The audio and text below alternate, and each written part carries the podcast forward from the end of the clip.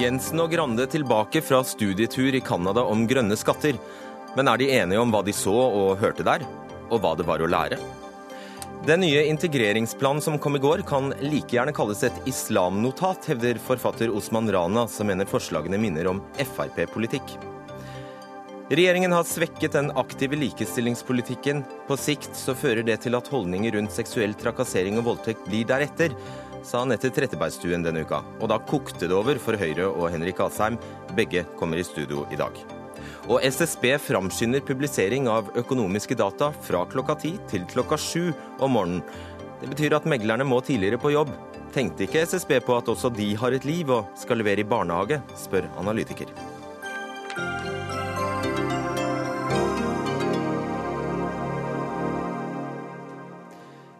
God kveld og velkommen til Dagsnytt 18 på NRK P... En gang til. På NRK2 og NRK P2.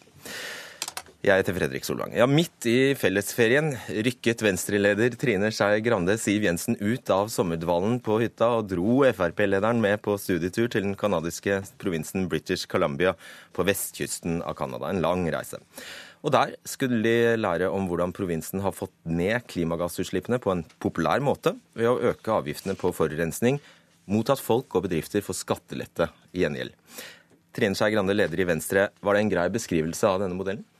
Ja, Hvis du skal beskrive kort og enkelt, så handler et grønt skatteskifte om at du tar inn på avgifter, gir tilbake i skatteletter. Og et, eh, det er et nullsumspill. så Målet er ikke å plage folk, målet er å faktisk gjør at de som gjør noe miljøvennlig, har mer penger igjen i lomma. Mm. De store fordelene, hva er de? De store fordelene er jo at man får ned utslippene. Eh, man gjør det mulig for næringslivet å foreta den omstillinga. Man gjør det lønnsomt å ta grønne valg. Det man ser i British Columbia, er jo at dette spesielt har løfta dem med dårligst råd. Fordi at man har gitt mest tilbake igjen til dem.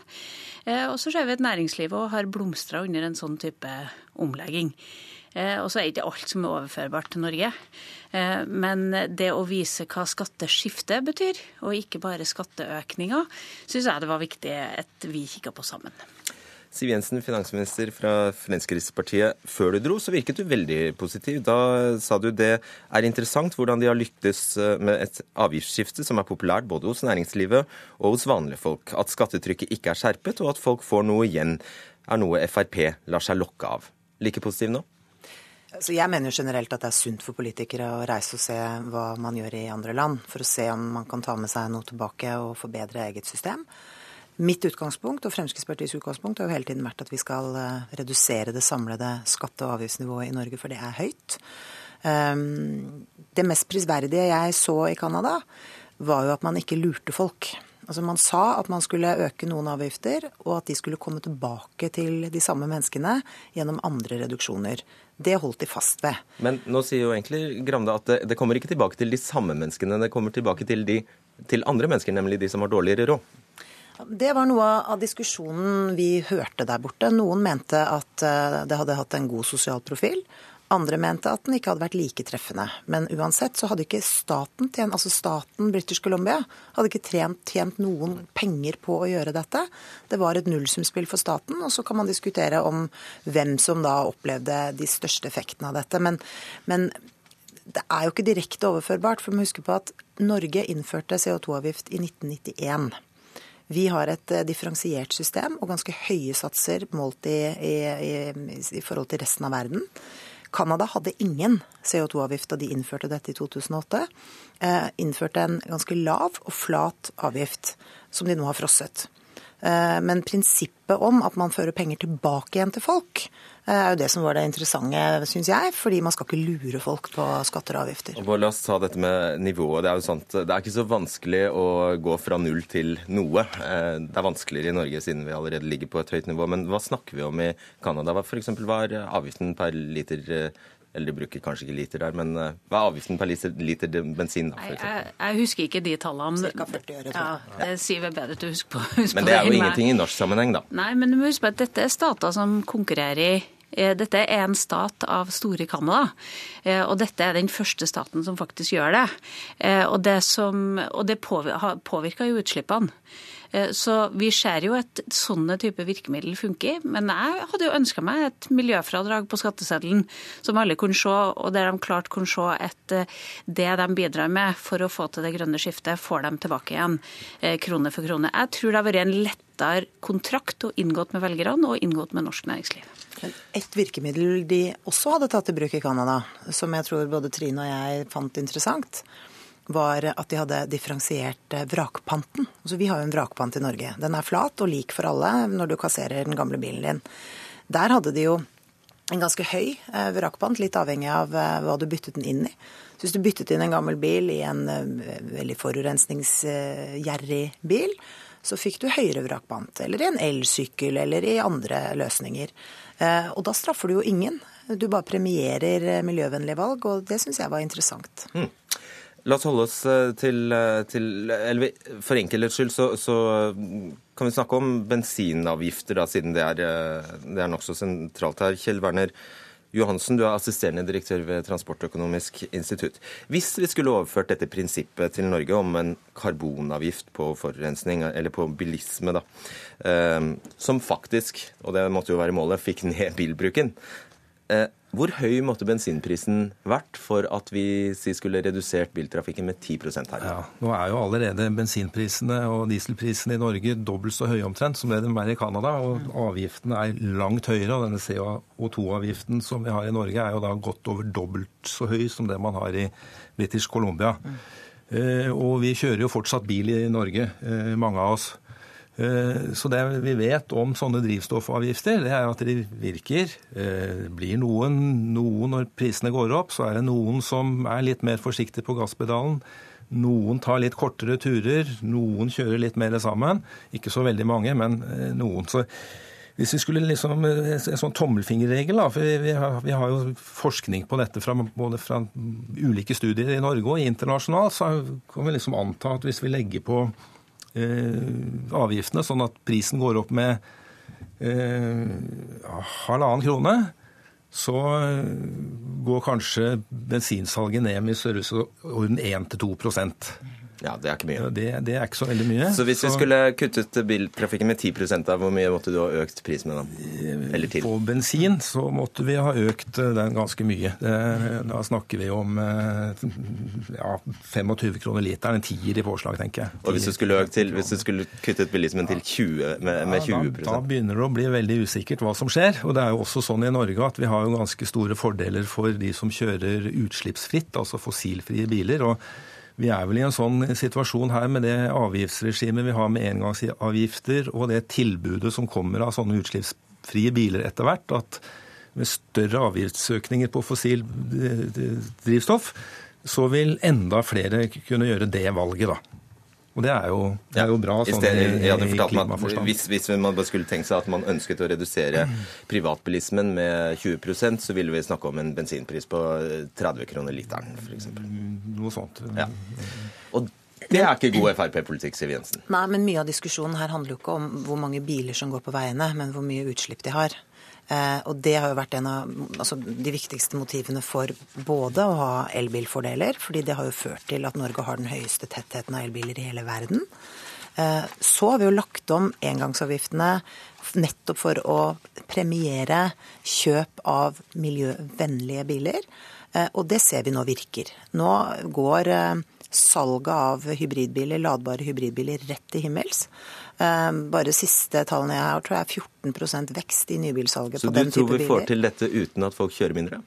Ja, men altså, vi, Husk på hva slags land vi bor i. Eh, det å kjøre mindre bil er enklest i store byer med et godt kollektivtilbud og andre sant, alternativer. I distriktene hvor det ikke finnes busser og trikker osv., så, så er, er, det ikke noe alternativ. Så den, den, blir helt meningsløs diskusjon. Da handler det jo mer om å legge til rette for at de kjøretøyene vi bruker, både er sikre og miljøvennlige, og derfor kan du bruke andre virkemidler som gir stor effekt. Trine Skei Grande, bensinpris, dieselpris på 30 kroner literen, da blir du ikke gjenvalgt. Nei, men jeg tror ikke det er det som er, er, måten å gjøre det på heller. Og jeg har full respekt, og jeg mener at forskerne helt sikkert er helt rett i de vurderingene. Men da tar det bare på én faktor. For det er veldig mange faktorer som vi legger på både med å gjøre andre biler billigere, det å se på andre typer drivstoff, det å legge inn biodrivstoff f.eks. Jeg tror at vi kommer til å kjøre masse bil i framtida, vi kommer til å fly masse i framtida, men drivstoffet på bilene våre kommer til å være hydrogen, el, andre drivstoff. Drivstoff på fly kommer til å være bio. Det, det kommer til å være andre typer drivstoff. og det er Når du klarer å sette dette sammen, både med gulrot, noen avgifter, og at du gjør, gjør de grepene som gjør at du faktisk får de endringene. Folk ser at det er billigere når du gjør det grønt. La oss da gå inn på et av de mer besnærende elementene i denne kanadiske modellen, nemlig at eh, forurenser skal betale, men folk flest skal få pengene. Altså Det skal gis skattelette til folk flest og til eh, bedriftene. Eh, dere har forsket også på hva som skjer med fordelingen hvis forurenser skal betale, Johansen. Hvem vil i hovedtrekk da få penger, og hvem vil måtte betale? Ja, Hvis en innfører en sånn ordning sånn som jeg har forstått den i Canada, så samler man altså inn en bensinavgift som man så deler ut til alle innbyggerne i landet. Og Da er det jo klart at da vil de som kjører mye bil og bruker mye drivstoff, de vil betale mye og få relativt sett lite tilbake. Mens de som kjører lite eller ikke kjører i det hele tatt, altså de, og det vil ofte være de, de, fattigste og dårligst stilte i samfunnet, de vil da få relativt mye igjen. Så da, og det her, eh, sånn sett så gir det en utjevningseffekt som ganske, kan være ganske solid da, med høye avgifter. Og det, det er akkurat her eh, Problemet med sånne miljøavgifter går jo på det at det ofte har uheldige fordelingsvirkninger. Eh, man vil ikke ramme de som har det, har det dårligst, og, og, og, derfor så det har vært vanskelig å skru til med miljøavgifter. og Det, det er en måte å unngå det på, da. Eh, og Siv Jensen, dette I praksis så betyr det altså at er du pendler, så kan du risikere at du blir nettoyter til en sånn ordning, mens er du minstepensjonist som sitter i leiligheten din på Sagen og knapt eh, går utafor døra, så får du, alt, du får en månedlig sjekk fordi du ikke bruker Du, du forurenser bare ikke.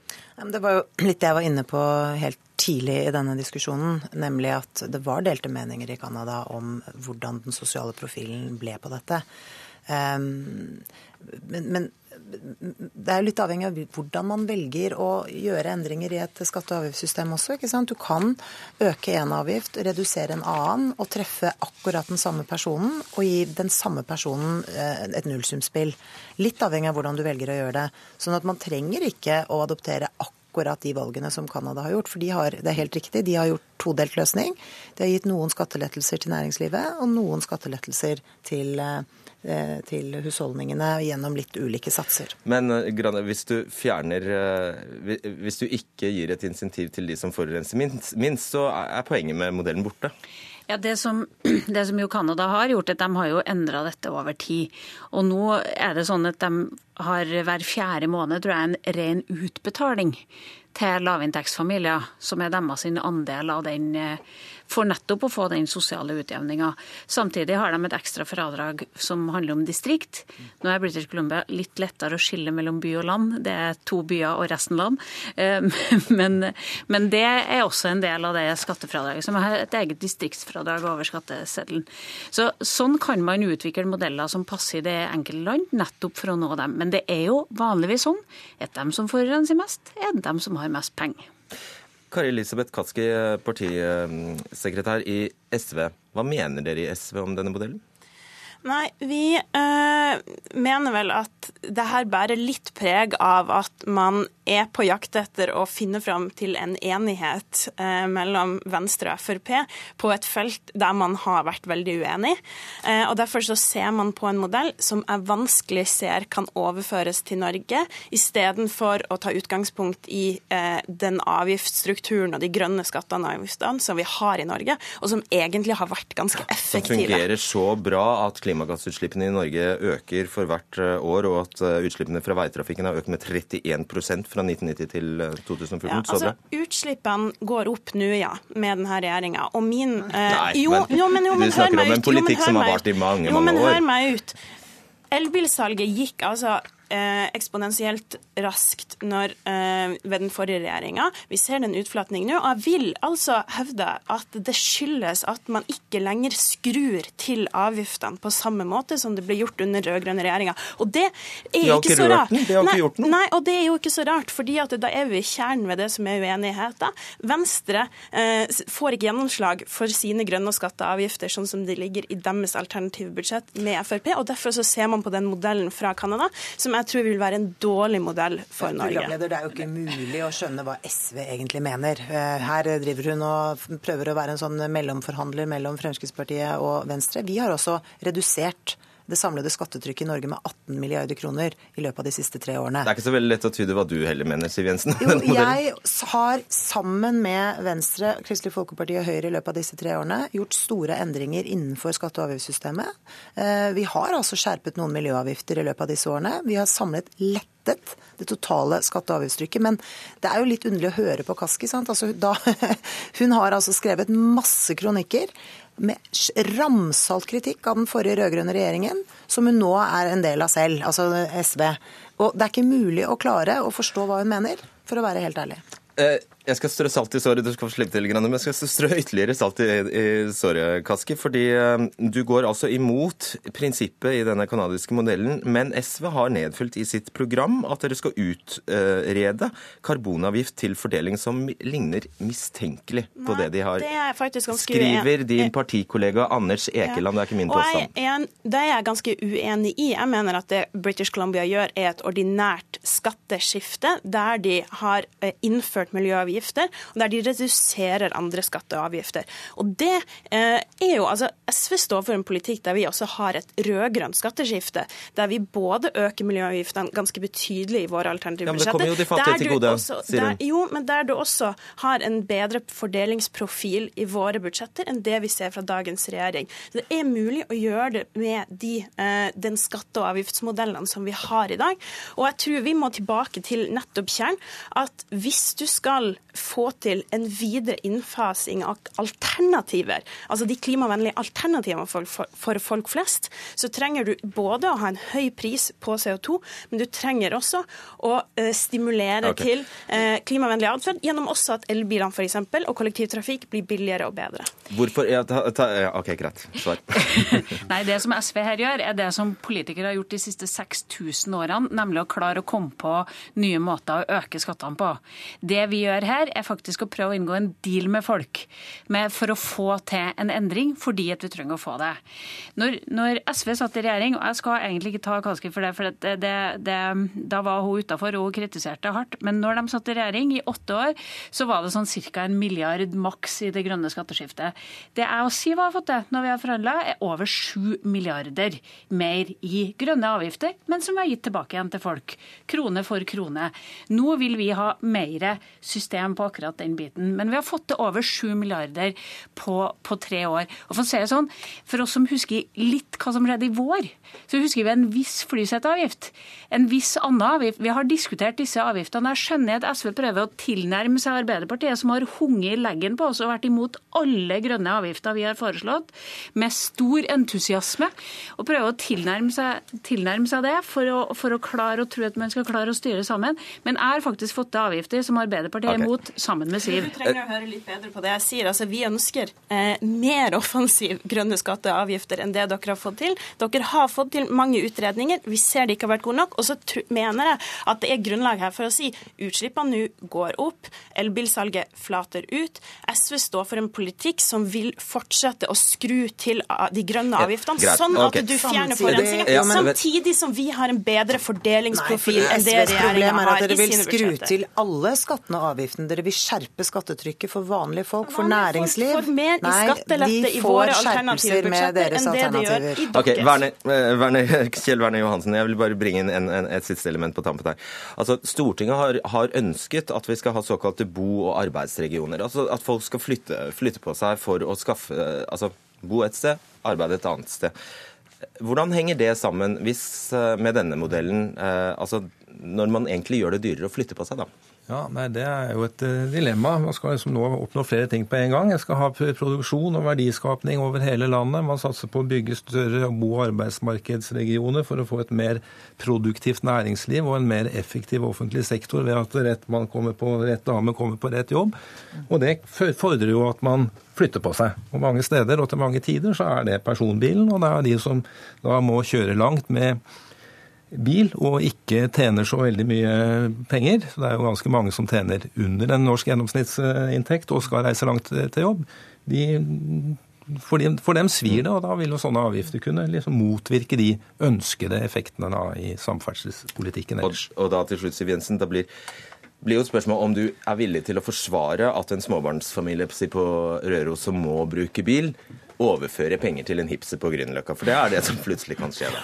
Kan si deg, Når jeg sitter og jobber med statsbudsjettet for eh, neste år, så er det veldig mange hensyn å ta. Eh, først og fremst så skal vi få arbeidsledigheten ned. Vi skal få veksten i økonomien opp. Vi skal skape flere arbeidsplasser. Vi skal ha en god sosial profil. Vi skal ta vare på de menneskene i dette landet som har mindre å rutte med enn andre. Du skal redde kloden fra oppvarming?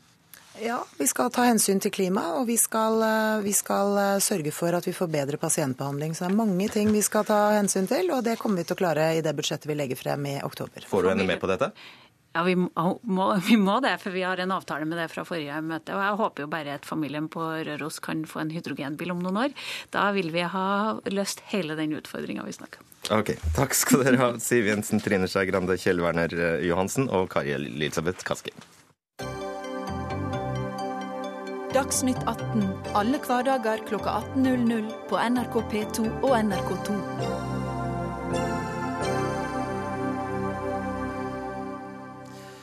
I går lanserte tankesmien Agenda perspektivnotatet Ti bud for bedre integrering, som vi også håndterte her i Dagsnytt 18. Eh, Notatet er utarbeidet av eh, bl.a. SV, Arbeiderpartiet, Senterpartiet, KrF og Venstre, og fremmer forslag om alt fra nikab-forbud til strengere regler for finansiering av trossamfunn. Og reaksjonene har ikke latt vente på seg. En av dem som kastet seg over tastaturet da, da um, dette notatet ble kjent, er deg, Osman Rana, forfatter av boken 'Norsk eh, islam'. Du kaller dette faktisk et islamnotat. Hva mener du med det? Ja, La meg aller først si at eh, det er en del bra også, eh, som Solhjell og de andre har eh, kommet med. Særlig dette med sysselsetting og bosetting av nye innvandrere. Samtidig så er det veldig sterkt preget av islam. Og det er preget av en sånn symbolistisk fasadepolitikk. Og viser egentlig hvor dypt denne besettelsen av islam stikker i norsk politikk. Denne gangen også på venstresiden. Og jeg syns jo Vær konkret nå, da. Ja, Særlig dette med at det er veldig sterkt fokus på religiøse hodeplagg. Og spesifikt muslimske hodeplagg. Man snakker ikke om eh, turbaner eh, til sikher. Man snakker ikke om eh, Jehovas vitner. Man snakker ikke om eh, Smiths venner. Man snakker eksplisitt og eh, utelukkende om eh, hijab og nikab. I tillegg dette med trossamfunn og, og en del andre at man skal ta fra penger, eh, at statsstøtte fra trossamfunn? Så er det klart at eh, dette er også myntet på eh, den muslimske minoriteten. Hvordan kan vi vite det? Det er veldig tydelig at uh, man har pekt på at uh, årsaken er at man vil uh, såkalt svekke sosial kontroll. At, at, det skal være eh, statens måte å redusere sosial kontroll på. SV har jo vært ganske, ganske ivrige tidligere år også. Men jeg, har, du, jeg, må bare si, når, når, man søker på ordet islam i denne teksten, så er det null treff. Når man søker på ordet muslim, så er det ti treff på 52 sider. Ja, men det er uh, mye snakk om hijab, det er mye snakk om nikab eksplisitt. Nei, det er i ett av ti punkt. Likevel. Men uh, mange av forslagene er, uh, handler om islam. Okay. Bård Vegar Solhjell, du er stortingsrepresentant for SV, ledet utvalget som eh, utarbeidet dette notatet. Har dere oppheng på islam? Nei, det er sjelden at en kritikk er så 100 feil eh, som jeg opplever nå, til og med ganske urimelig. I den grad vi har et oppheng, så er det et oppheng i bedre integrering. Og alt som må til for det. Det er side opp og side ned om arbeid og utdanning og bosetting og ikke sant, you name it. Men det er riktig at ett av ti punkter er om religion. Og det er fordi religion og livssyn er en del av politikken. Men alle forslagene i den delen som handler om religion, de er livssynsnøytrale. De gjelder kristne og muslimske og andre trossamfunn. Men det er bare to plagg som er nevnt. Det har han rett i. Det er helt riktig. Og det ville være en unnlatelsessynd, etter mitt, sånn jeg ser det, om vi ikke skulle ta opp et eh, viktig spørsmål som barnehijab eh, i ett avsnitt av 52 sider. Hvorfor er, og, det der tror jeg poenget kommer. fordi det som heller det her dreier seg om, er at vi er veldig uenige. Du har et eh, utgangspunkt, at med et religiøst utgangspunkt, eh, der eh, religion er viktig. Vi har vært utgangspunkt i det som er felles i Norge, på tvers av er- kultur og religion. Det er helt feil. Jeg snakker veldig lite om religion. Eh, Det som er mitt eh, ankepunkt der, er det prinsipielle. Og eh, Solhjell eh, sa jo eh, i juni til Aftenposten at eh, venstresiden, og særlig ytre venstre, eh, som SV, har vært for dårlig til å kritisere islam og muslimer. Så jeg tror faktisk at Solhjell har et oppheng hva gjelder islam. Og jeg ser på denne, dette notatet som en slags kulminasjon av Solhjells eh, nye doktrine om at venstresiden nå må være harde mot islam. Og Han satt jo her i går og, og skrøt eh, av hvor eh, tøff han nå var mot eh, islam og muslimer, og var faktisk tøffere og mer handlekraftig enn Keshvari og, og Frp. Og jeg tror at venstresiden i Norge har fått et mindreverdighetskompleks når det gjelder det å være tøff mot, mot islam. Så, Ja, så jeg la, på la, la hvor- Solhjell hvor- svare, Det er jo du som nå snakker og snakker om islam og muslimer. Vi, vi har knapt snakka om det i den sammenhengen. Men Hør- nei, nå må hvorfor snakker du ikke om religiøse hodeplagg generelt? hør- Hvorfor snakker du bare om hijab? Hør på meg og la meg snakke. Og som programlederen sa, det er null treff på islam, men vi tar definitivt opp konkrete, viktige problemstillinger. Og hvis vi skal snakke om en, da, barnehijab, som en, den som har fått mest oppmerksomhet her. At en del jenter bruker hijab, muslimske jenter, på skoler. Hvis du tar utgangspunkt i hva som er barns beste, så er det vanskelig å se gode grunner til at jenter på norske skoler skal gå et skaut for å tildekke seg av, eller av religiøse grunner. Det kan skape avstand. Og det er dessverre ofte sånn at det er sosialt press eller tvang som gjør det. Og, men det er galt å forby det, så vi vil jobbe mot det bedre enn det som gjøres Og lage retningslinjer. Det hørte vi, hørte vi i Ja, og det skal da Solhjell eh, gjøre ved at staten skal ha retningslinjer som da rektorer og lærere som skal formidle dette til disse barna og si at eh, du, eh, kjære barn, eh, hijab, det er ikke ønskelig. Jeg vil si at det grenser til mobbing av små jenter som, som går med hijab, og det vil faktisk true hva slags identitet de får. Og det er med på å ekskludere heller enn å integrere. La meg understreke, barnehijab har ikke noe religiøse årsaker. Det er ikke religiøst nødvendig. Mange av disse jentene gjør det fordi de kanskje ser opp til sine mødre, ser opp til sine søstre, og at det er derfor de gjør det. Men mitt poeng igjen, hvorfor klarer du ikke å være prinsipiell og snakke om sikh-gutter som går med turban, eller Johas vitnebarn som ikke får lov til å gå i barnebursdager? Hvor, hvorfor har de ikke nevnt det? Fordi turban ikke er utbredt i norske skoler. Hvordan eller f.eks. kalott. Eh, Fordi jeg har besøkt veldig mange norske skoler. Jeg har vært kunnskapsminister for eksempel, i flere år. Besøkt hundretalls men- norske men- skoler. men er det tar, vi det, derfor tar vi opp det konkrete spørsmålet, men vi foreslår ikke noe forbud mot noen typer hodeplagg. Og så må jeg få lov til å utfordre deg. Hvorfor er det riktig at vi voksne skal ta religion, vi som er voksne, og pålegge å brute, og ta, eh, overføre det til barn? Jeg mener det er galt. Tvert imot. I et flerreligiøst samfunn er det viktig at barn ikke blir påført det, og at vi ikke skaper er den ja, Vi vet du er sterkt uenig i det. La oss komme oss videre og snakke om eh, trossamfunn. Altså, dere vil eh, at trossamfunn skal kunne miste den offentlige støtten dersom de fremmer straffelovstridige straffelovsstridige oppfordringer til hat og vold, bryter lover som skal beskytte barns interesser og rettigheter, eller bryter diskrimineringslovgivning lovgivning utover unntaksreglene som gjelder for trossamfunn. Um, hvem skal være smakspoliti her? Det skal ikke være smak, det skal være lover. Eh, og så skal det vurderes fra sak til sak, som vi håndhever andre lover i samfunnet. Men hvilken instans skal vurdere fra sak til sak? Eh, Da er det naturlig at det er de som deler ut penger, som gjør det. Det er sånn det norske organisasjonssamfunnet fungerer. Men det spesielle her er at vi har en særlig raus støtteordning til trossamfunn i Norge i forhold til mange andre land, med veldig få krav i forhold til andre organisasjoner. Og vi vet dessverre at det i enkelte tilfeller få har blitt påvist den typen ting i trossamfunn i Norge og andre land. Og det skulle da bare mangle at dersom man bryter lover på det groveste, som de du ramser opp nå, at man ikke mister statsstøtten sin. Men du er faktisk uenig i dette, da? Nei, altså, Ingen er uenig i at uh, trossamfunn som bryter norsk lov, skal miste statsstøtten. Det er noe vi alle er enige om. Men igjen så slår eh, Solhjell inn åpne dører. Dette er noe vi alle er enige om. Det de tar til orde for, er en slags uthuling av trosfriheten ved at staten skal eh, kontrollere hva som blir forkynnet i de i ulike trossamfunnene, og at man har en trussel om at hvis man er uenig med det som er eh, eh, god norsk tradisjon eller gode norske holdninger eller norske definisjoner av menneskerettigheter, som er en gråsone og, og alltid en gjenstand for diskusjon, så skal man true med Jeg trodde poenget med menneskerettighetene var at de var universelle, Rana.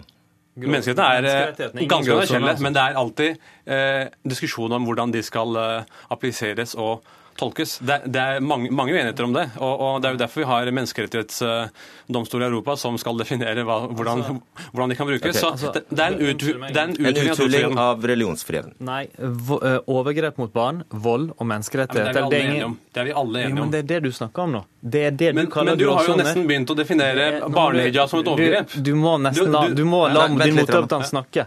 Det er det som står i notatet, og som du mener er en gråsone. Men det er ikke det. Det er alvorlig kriminalitet. Og hvis det er f.eks. sånn at i en kristen, muslimsk eller annen menighet det foregår eh, Det er predikanter eller andre som oppfordrer til voldelige handlinger. Da syns jeg det skal være grunnlag for å miste statsstøtten. Og hvis du syns det er selvfølgelig er du å lage et notat om det? Nei. Det er ett av, et, få punkter her, og flere av det til og med vedtatt i Stortinget før sommeren. Så la oss håpe det, selvfølgelig. Men, og da kan jeg heller ikke skjønne kritikken. Og det er den jeg mener, det, det er et Det om- påfunn. Solhjell, Solhjell, er ikke et notat prega av det. Det er et notat prega av prinsipielle syn på at trossamfunn eh, skal kunne miste støtte eh, og skal kunne stille flere krav Vi er på overtid. Eh, Jeg skal bare bringe inn en siste setning som jeg vet du reagerer sterkt på. Nå må dere være raske. Altså, å begrense utenlandsfinansiering av norske trossamfunn slik at det kun gjelder eh, slik at det kun skal gjelde fra stater eller aktører tilknyttet stater som praktiserer religionsfrihet. Er det ett land dere spesifikt eh, snakker om, men som dere ikke nevner? Det er ingen tvil om at det er Saudi-Arabia først og fremst. Så skriv det, da.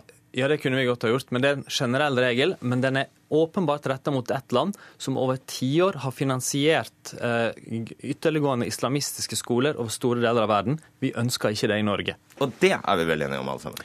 Jeg ønsker heller ikke at Saudi-Arabia skal eh, finansiere trossamfunn i Norge, men la meg bare understreke, jeg reagerer på de signalene Solhjell eh, og Agenda som tar gir, som handler om at man ønsker å dreie eh, norsk sekularisme i en fransk retning. Og vi ser at i Frankrike så har det vokst frem veldig mye antimuslimske tendenser, og unge franske muslimer har ikke klart å skape en sunn identitet.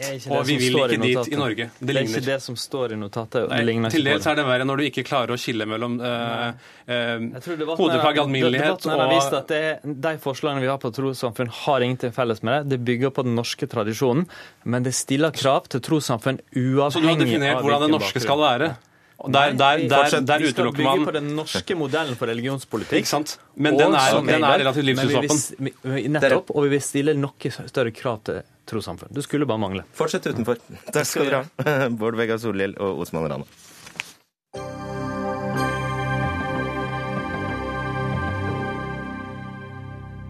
Et sitat til VG har fått det til å koke over hos eh, høyrefolk denne uka.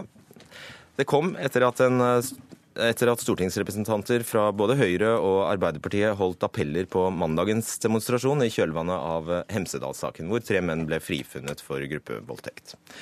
Steg for steg har regjeringen tatt likestillingen tilbake. Eh, Regjeringen har svekket den aktive likestillingspolitikken. Det er relevant fordi på sikt så fører det til at holdninger rundt seksuell trakassering og voldtekt blir deretter. Sa du, Anette Trettebergstuen, likestillingspolitisk talsperson for eh, Arbeiderpartiet. Ja, mener du Høyres likestillingspolitikk fører til dårlige holdninger til og rundt voldtekt? Nei, det mener jeg ikke. Og det kan jeg nok en gang bare slå fast at det gjør jeg ikke. Hva mener du da? Altså, ehm, For de som har lest eh, hele det VG-intervjuet med kanskje litt vennligere briller enn en del Høyre-folk har gjort, så, så håper jeg at, man, at det kommer fram at det som er poenget mitt, er at når eh, disse voldtektssakene kommer på agendaen som opprører hele befolkningen, og vi politikere skal diskutere hva vi kan bidra med for å hindre vold, vold og overgrep i framtida, så, så diskuterer vi veldig raskt justispolitikken. Eh, straff og politi og etterforskning det som vi eh, i stor grad er enige om.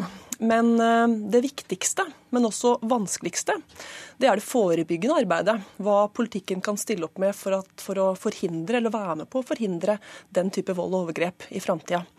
Eh, og for å gjøre det best mulig, så må man føre en aktiv likestillingspolitikk. Og det var også det organisasjonene som sto bak demonstrasjonen eh, på mandag, etterlyste av konkret handling.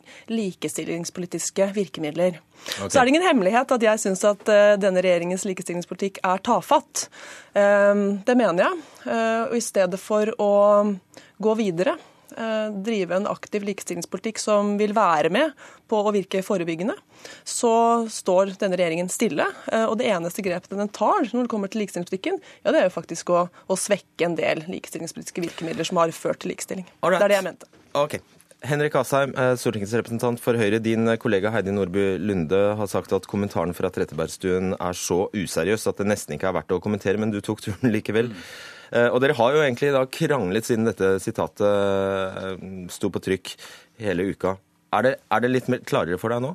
Er det greit nå? Nei. Fordi det Anette Trettebergstuen sa den gangen, og hun har hatt mange anledninger til for så vidt å beklage det hun har sagt, det er å trekke en parallell mellom regjeringens likestillingspolitikk og voldtekt.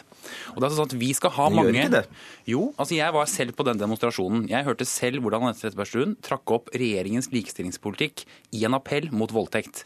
Jeg har lest intervjuet, jeg også. Jeg har sett sitatet. Du leste det også opp for lytterne. Og det er altså slik at det, Dette er en teknikk som Arbeiderpartiet nå har begynt å bruke, og det er å si at det er viktig med likestilling for å unngå voldtekt. Vi mener at regjeringen setter likestillingen tilbake. Hva betyr det?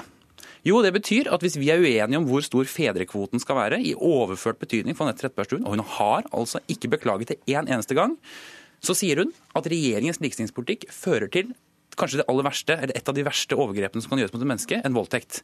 Og da går det faktisk en grense i norsk politisk debatt. Altså, Du har ikke bare tråkket på grensen eller balanserer på den, du er langt over grensen. Du kan ikke se grensen engang fra der hvor du er når du trekker parallellen til uenigheter i likestillingspolitikken og voldtekt. Ja, nei, Dette stemmer jo ikke. Jeg har for det første ikke sagt at regjeringens politikk eller mangel på politikk fører til voldtekt. Jeg gjentok nå i dag, og som jeg sa til deg i går også i forskjellige medier, at det mener jeg ikke. Eh, jeg gjentar det nok en gang. Men jeg ser at, det du blir kritisert for, altså, Trettebergstuen, er jo at det er veldig umusikalsk jo, fleste, å blande inn eh, Jo, men Dette er interessant. En, må få si, si en ting først. Eh, de fleste har fått med seg at jeg ikke mente det. Likevel så uh, sprer høyrefolk uh, sita falske sitater uh, og tillegger Nei. meg meninger jeg ikke har. Nei. Jo, men Da kan jeg gjenta det en gang til. Det blir ikke noe mer sant om du fortsetter å si det. Nå kan vi slutte å diskutere det. Jeg mener ikke det du påstår at jeg mener. Ferdig snakka. Det som er interessant, er at når man i kjølvannet av den type grusomme hendelser som voldtekter jo er, skal diskutere politikk og virkemidler for å forsøke å, å forebygge det i framtida, ja, så er det greit for høyresida at vi diskuterer justispolitikken, straffenivået, eh, politi osv. Tiltak som vi strengt talt er veldig enige om.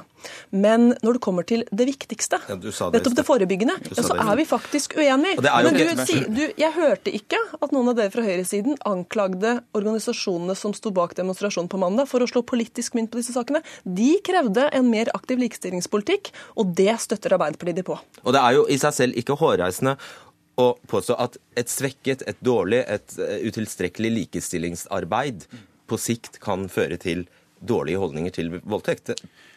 Vel, altså, det er dette som provoserer meg så grenseløst med dette resonnementet. Det er fordi det Anette Trettebergstuen sier, altså, Du må jo være et eller annet med Høyres politikk du mener da reduserer likestillingen. Og du har flere ganger sagt at redusert likestilling fører til flere voldtekter. Nei, det har jeg ikke sagt. Å nei, Så du mener ikke det? Nei, jeg mener ikke at redusert likestilling Men da har du feilsitert i VG? Jeg er ikke det. Eh, programlederen leste opp sitatet. Ja. Poenget mitt er følgende. Eh, det, er en, det, er et faktum at denne regjeringen har svekka en del likestillingspolitiske tiltak som vi vet funker. I eksempler, på, ja, i eksempler er, er det pappaperm du snakker jo, om, eller er det, er det ny arbeidsmiljølov, eller hva er det? Hvis du vil uh, høre på hva jeg mener, så kan du lytte nå. Det, poenget er at det er det eneste denne regjeringa har gjort. Svekka en del likestillingspolitiske virkemidler som har ført til mer likestilling. Når det kommer til forebygging av voldtekt, så har Arbeiderpartiet etterlyst en mer aktiv politikk fra denne regjeringen, senest i april. Vi etterlyste en bedre og mer relevant seksualundervisning, fordi at eh, mange unge gutter og jenters første møte med sex i dag er gjennom grove pornofilmer. Fordi at seksualundervisningen er så eh, dårlig og så irrelevant at det blir et slags eh, bilde på hvordan seksuallivet er, som ikke er relevant. I tillegg så har vi Jo, men vent litt, da. Vi har etterlyst mer likestilling og holdningsarbeid i barnehagen og skolen. En rekke tiltak som denne regjeringen ikke ønsket å være med på. Vi vet hva som fungerer, som kan være med på å være forebyggende i et lengre perspektiv. Og da syns jeg det er litt underlig at man kan være så opprørt over alle voldtektssakene, men samtidig si at nei, vi gidder ikke å være med på å gjøre jobben som kanskje kan være med okay. på å unngå disse tilfellene. Men dette, men sant, dette er interessante diskusjoner som vi kan ha om fedrekvoten skal være 14 eller 10 uker, hva vi skal gjøre med seksualundervisning i skolen osv. Men det var du Anette Trettebergstuen, som trakk parallellen mellom likestillingspolitikken, som vi skal diskutere masse frem mot valget neste år, og voldtektssaken i Hemsedal. Og Det går altså ikke an å sitte altså Det er en teknikk som også Martin Kolberg brukte i sommer, hvor han sa at høyrepolitikk fører til mer terror. Og så var det veldig ullent med hva man skulle mene. Og Det er ikke bare høyrefolk som angivelig etter deg feilsiterer deg på Facebook. Vi deler den saken du er sitert i. Det andre er at lederartikkelen i DN i dag kritiserer Arbeiderpartiet for nettopp dette. Eh, Magne Lerøen kritiserer Arbeiderpartiet for dette. En rekke redaksjoner har påpekt at den, altså det å trekke disse tingene sammen er for å si det forsiktig, ganske skittent. Og jeg synes i det minste at da, Men nå har du sjansen til dette spørsmålet, nå har du sjansen til å si at når så mange har feiloppfattet det du har sagt, så beklager du at du trakk en parallell mellom likestillingspolitikk, eh, til regjeringen og voldtektssaken vi Jeg vil, jeg vil spørre deg, Asheim. Men, beklage mener du at likestillingspolitikk ikke har noe å si for hvilke holdninger unge gutter og jenter har, og hva slags eh, og for, for, for virk, ikke har noen virkning på, på, på vold og overgrep? Jo. nettopp. Men, men det som er problemet ditt, er at du sier at regjeringens likestillingspolitikk eh, setter det tilbake, og det å sette det tilbake fører til flere voldtekter. Og da får du enten altså, Anette nå jeg nå må jeg få lov til å jeg har snakke. forklart nok en gang Nå må jeg få lov til å snakke. mener, Henrik Asheim. Det blir ikke mer sant at du gjentar det. enten, så, enten så trekker du frem konkrete ting vi har gjort som du mener fører til eh, flere voldtekter. Eller så beklager du at du trakk en parallell mellom likestillingspolitikken til regjeringen at eh, og den voldtektssaken vi her diskuterer. Jeg kunne ønske at du ville være med på å diskutere forebyggende arbeid mot voldtekt istedenfor å gjenta Det gjør vi gjenta gjerne, men da får du slutte å komme med den typen beskyldninger. Ja, men nå har jeg gjentatt nok en gang at det var ikke det jeg mente, og det kan du, bør, Og da er det så lett å bare beklage da. Takk skal dere ha, Henrik Asheim og Anette Trettebergstuen. Hør Dagsnytt 18 når du vil. Radio NRK NO.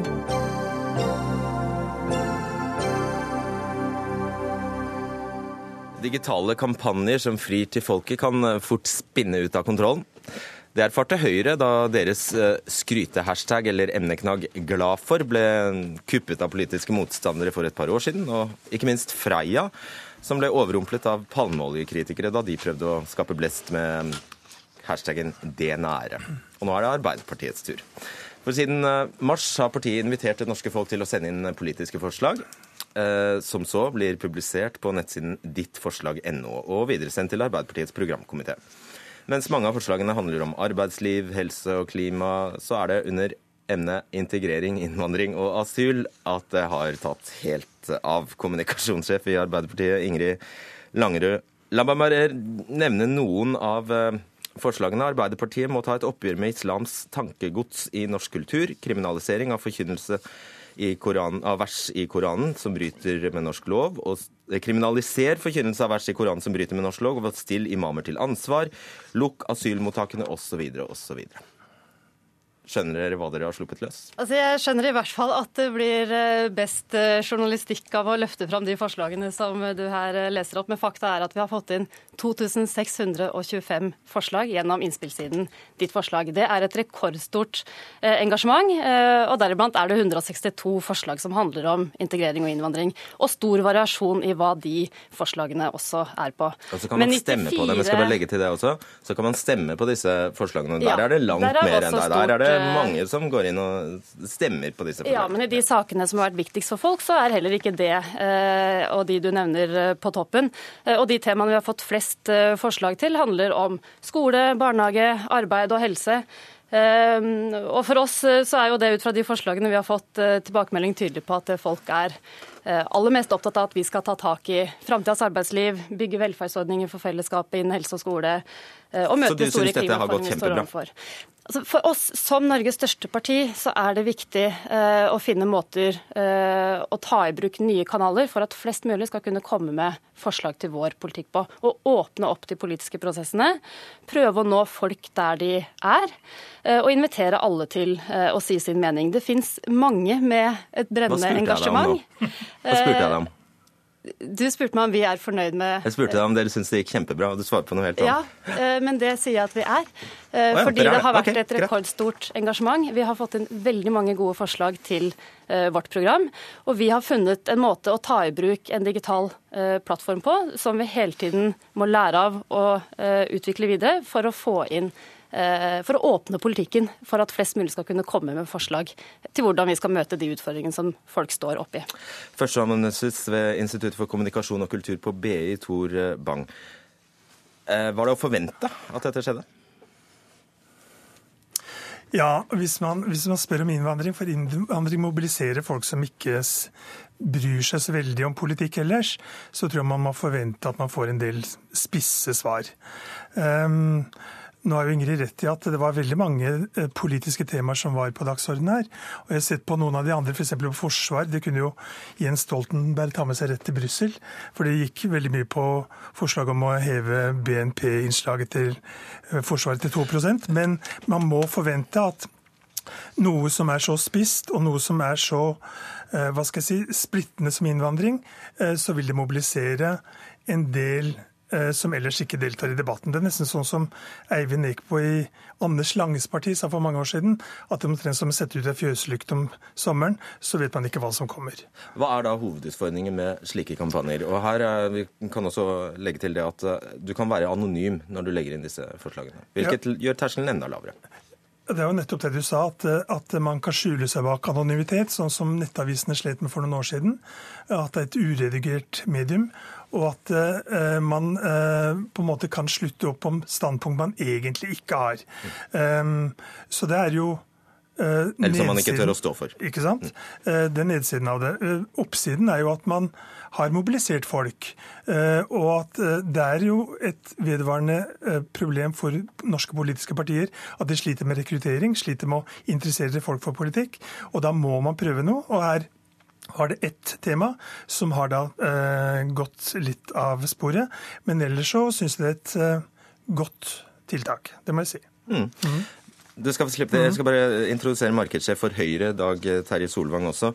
Eh, Det var altså i 2014 at dere ba folk bruke hashtaggen eh, 'glad for' for å fortelle hva de er glad for at regjeringen får til. Og da Hva skjedde da? Nei, eh, ja, hva skjedde da? Den ble jo godt tatt imot på Facebook, for å snakke om det positive først. Der fikk vi veldig mange gode innspill, og, og mye konkret også. Men selvfølgelig litt kritikk, men ingenting mot den kritikken som Twitteratet tømte ut av seg. Der ble kampanjen Vi kan vel si at den trynte, egentlig, på Twitter, men den funka på Facebook. Og det er jo kanskje det vi sitter igjen mest med der, er jo litt det at vi, vi inviterte nok ikke, og jeg syns vi skal skryte av Arbeiderpartiet, som faktisk har testet ut en digital kanal på å komme i dialog med velgerne sine. Kjempebra, og, og hipp hurra for det. Det må vi alle gjøre mer av. Det som vi erfarte med Glad for, var at vi var ikke gode nok på dialogen. Fordi det krever at du er der og svarer. Det er jo som å gå husbesøk og stå på stand. Altså det er som å gjøre alt annet der hvor du får velgerne dine i tale for å få innspill eller diskutere politikk eller utforme politikk, er at du må være mer på ballen og invitere til en dialog og ta dialogen. Og Det var det vi ikke lykkes godt nok med på Twitter, eh, med Glad for. Jeg skal bare minne lytterne på hva, hva som kom der på denne emneknaggen. Eksempel, jeg er glad for at Dalai Lama heldigvis ikke slapp inn i regjeringskontorene. Tvitret Snorre Valen. Eller jeg er glad for at Norge er så rikt at vi kan kjøpe Segway til alle på fotballandslaget, så de kanskje vinner noen kamper. Sånne ting fikk dere da i retur. Vi gjorde det. Vil du gi et råd til eh, Arbeiderpartiet? Altså, vår erfaring med dette, og vi har jo også hatt en innspillbit nå på, på, på programmet for å få førsteutkastet klart, eh, med masse, altså 4000-5000 innspill, masse, masse gode innspill. Eh, men det er det å ha en dialog hvis du skal åpne opp disse innspillene og gjøre det synlig for andre. og og, og i tillegg, når du skal invitere til at man kan stemme på det, så må du være der og ikke moderere for å sensurere, men i hvert fall moderere for å svare og ta del i dialogen. For disse kanalene er for dialog. Noen av forslagene er forholdsvis elleville. Langerud, er det, er det noen som sitter og modererer? Ja, eh, vi har fortløpende fulgt med på det som har vært lagt ut, og hatt tydelige eh, debattregler. Eh, hvor vi også har presisert at man kommer langt på nett som ellers i livet med sunn fornuft og saklighet og folkeskikk. Det er på en måte grunnleggende prinsipp for, for kommunikasjon på nett. nett.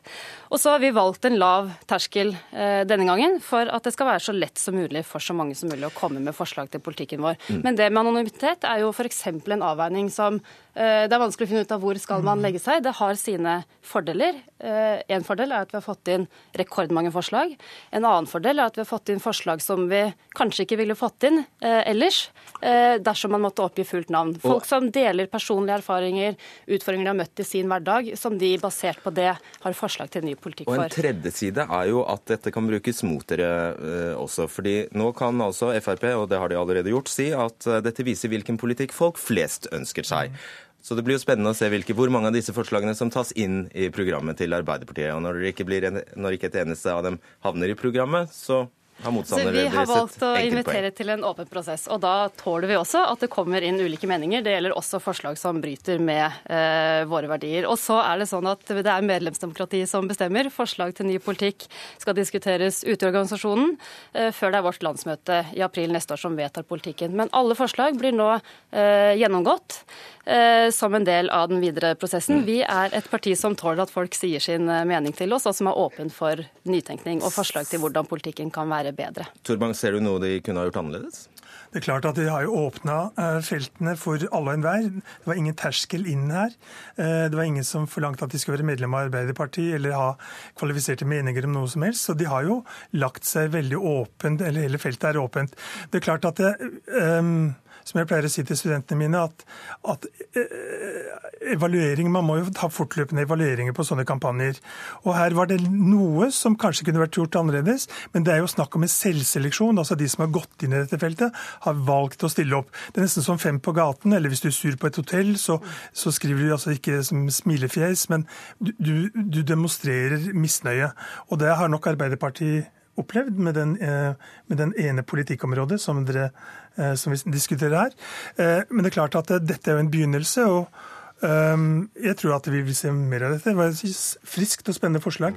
Og vi har, hatt, vi har hatt en uh, høy terskel for å sensurere innlegg. Vi har hatt tydelige debattregler uh, og fortløpende fjerna uh, eller redigert innlegg som har brutt med disse. Men vi tåler å leve godt med at det kommer inn forslag som ikke akkurat samsvarer med vår politikk i dag, og også forslag som ikke er i tråd med vårt verdigrunnlag og åpenbart ikke vil bli vår politikk. Takk skal dere ha. Ingrid Langerud, Dag Terje Solvang og Tor Bang.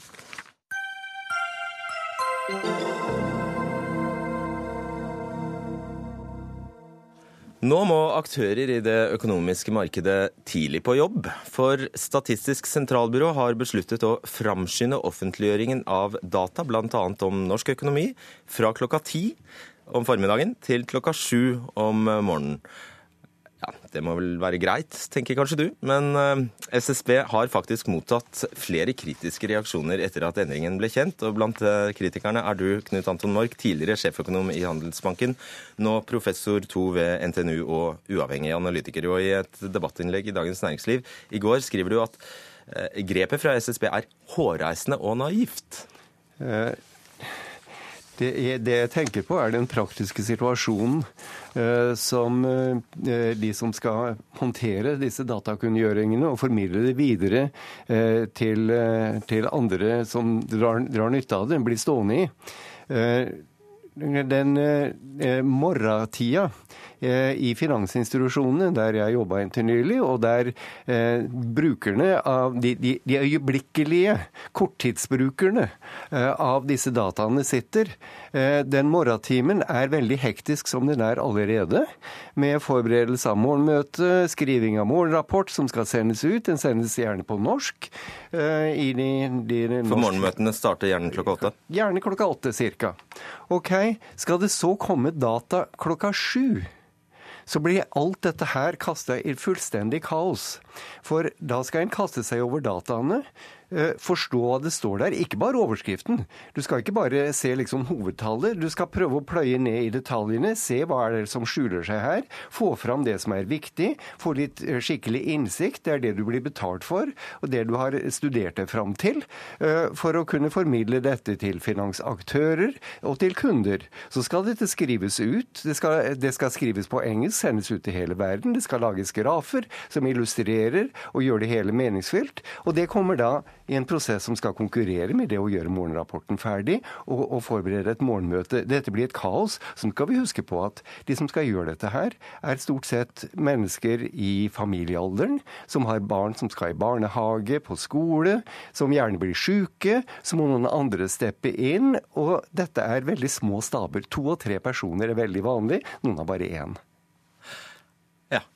Eh, man skjønner jo at det er plagsomt å stå opp tidlig, men hvilke kan du få alvorlige konsekvenser? Problemet er ikke at det er plagsomt å stå opp tidlig. Det er jo ikke det. Problemet er at dette blir kasta inn i en så hektisk eh, prosess at kvaliteten lider. Nettopp. Det var det jeg ville frem til. Eh, og, og, dessuten det, kan det bli såpass ubehagelig å drive med det at dette blir en mindre populær arbeidsplass. Da, det, de lider igjen kvaliteten. Men la meg ta en ting til. Når disse dataene kommer inn klokka sju om morgenen ja, så sitter det markedsaktører som er avhengige av å handle en del eh, produkter som disse dataene er viktige for. Norske obligasjonsmarkeder, valutamarkedet, derivater for rente og valuta. Eh, og de skal da prøve å finne motparter i klokka sju om morgenen. Da sitter det kanskje noen i Singapore, noen i Sydney, men det er et veldig tynt marked. Ikke mange har stått opp i Norge, da? Nei, og da får du et volatilt marked. Du får prissvingninger som ikke er noe eh, eh fundamental eh, grunnlag okay. for. Da må vi høre med Torstein By, direktør for økonomi, energi og miljøstatistikk i Statistisk sentralbyrå. Du har svart, på, eh, du har svart Mark, i avisen. Eh, tenkte dere ikke over alt dette her? Jo, selvfølgelig tenkte vi over alt dette her. Eh, det er sånn at I Statistisk sentralbyrå så har vi ca. 300 000 brukere hver måned. 400 statistikker i året. Og Det er mange brukere, det er mange hensyn. Og alle våre publiseringstidspunkter har selvfølgelig betydning for alle disse aktørene. Eh, og etter at vi eh, sa at vi skulle publisere klokken syv, som da har sitt utgangspunkt i at vi har et samfunnsoppdrag som sier at vi skal publisere statistikk som vi har, så tidlig som mulig. Eh, med den kvaliteten som er etterspurt. Og Det er det vi har på en måte som er vært ledende for avgjørelsen her. Og så eh, er det sånn at vi kan ikke gå ut med høring til 300 000 brukere i en sånn situasjon. Vi må vurdere de de synspunktene som vi har, og så må vi avveie de, og så beslutter vi. Men hvis bieffekten er at du plager meglerne veldig? Ja, men I utgangspunktet så er det to ting eh, Mork tar opp her. Det ene er på en måte å stå opp tidlig og få stort arbeidspress og sånn. Eh, der har jeg vist et eksempel i den kronikken som sier at ja, kanskje det hadde vært lurt om vi hadde kommet med opplysninger klokken syv. For, for tre dager siden så kom vi med konsumprisindeksen. Eh, der satt de som skrev morgenrapportene og anslo konsumprisveksten til 3,1% Vi kom med fasiten to timer etterpå. 3,7 og avisene var fulle av artikler om at de var sjokkerte. Eh, hadde det ikke da vært bedre å ha opplysninger klokken syv? Vi hadde faktisk opplysningen klokken syv. Vi kunne ha trykt på knappen og sendt den ut. Så de hadde den ved morgenrapportene. Selvfølgelig vet alle at dere har de, disse tallene klokka sju. Dere har det ferdig kvelden før. Eh, det vet alle. Hvis dere hadde kommet med dem klokka sju, så hadde dere fått et fullstendig kaos i markedet, for ingen ville forstå hva dette innebar. Og samtidig skulle begynne å handle ut ifra det i et marked som ennå ikke var på plass plass. Det, det er ingen andre eh, statistikkinstitusjoner i hele verden som annonserer makrodata så tidlig som klokka sju. Hvis dere vil ha det før arbeidsdagen begynner, ja åtte eller ni. Okay. Det holder i lange ja. baner.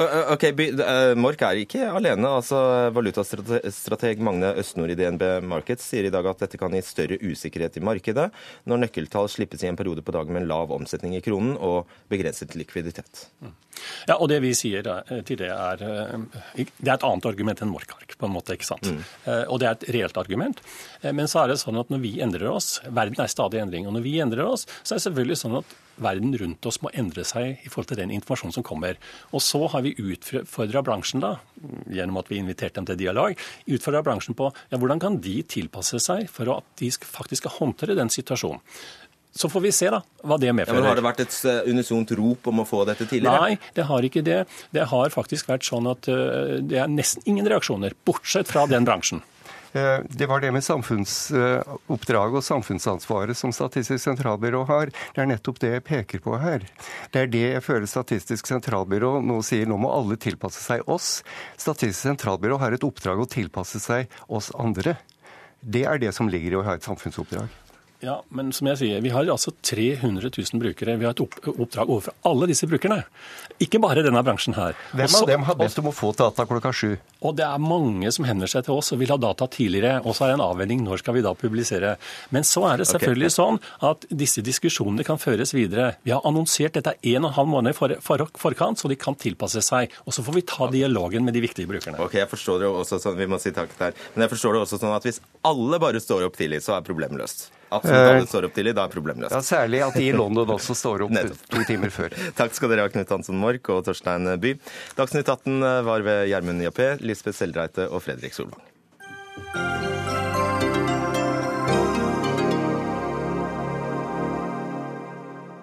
Hør flere podkaster på nrk.no podkast.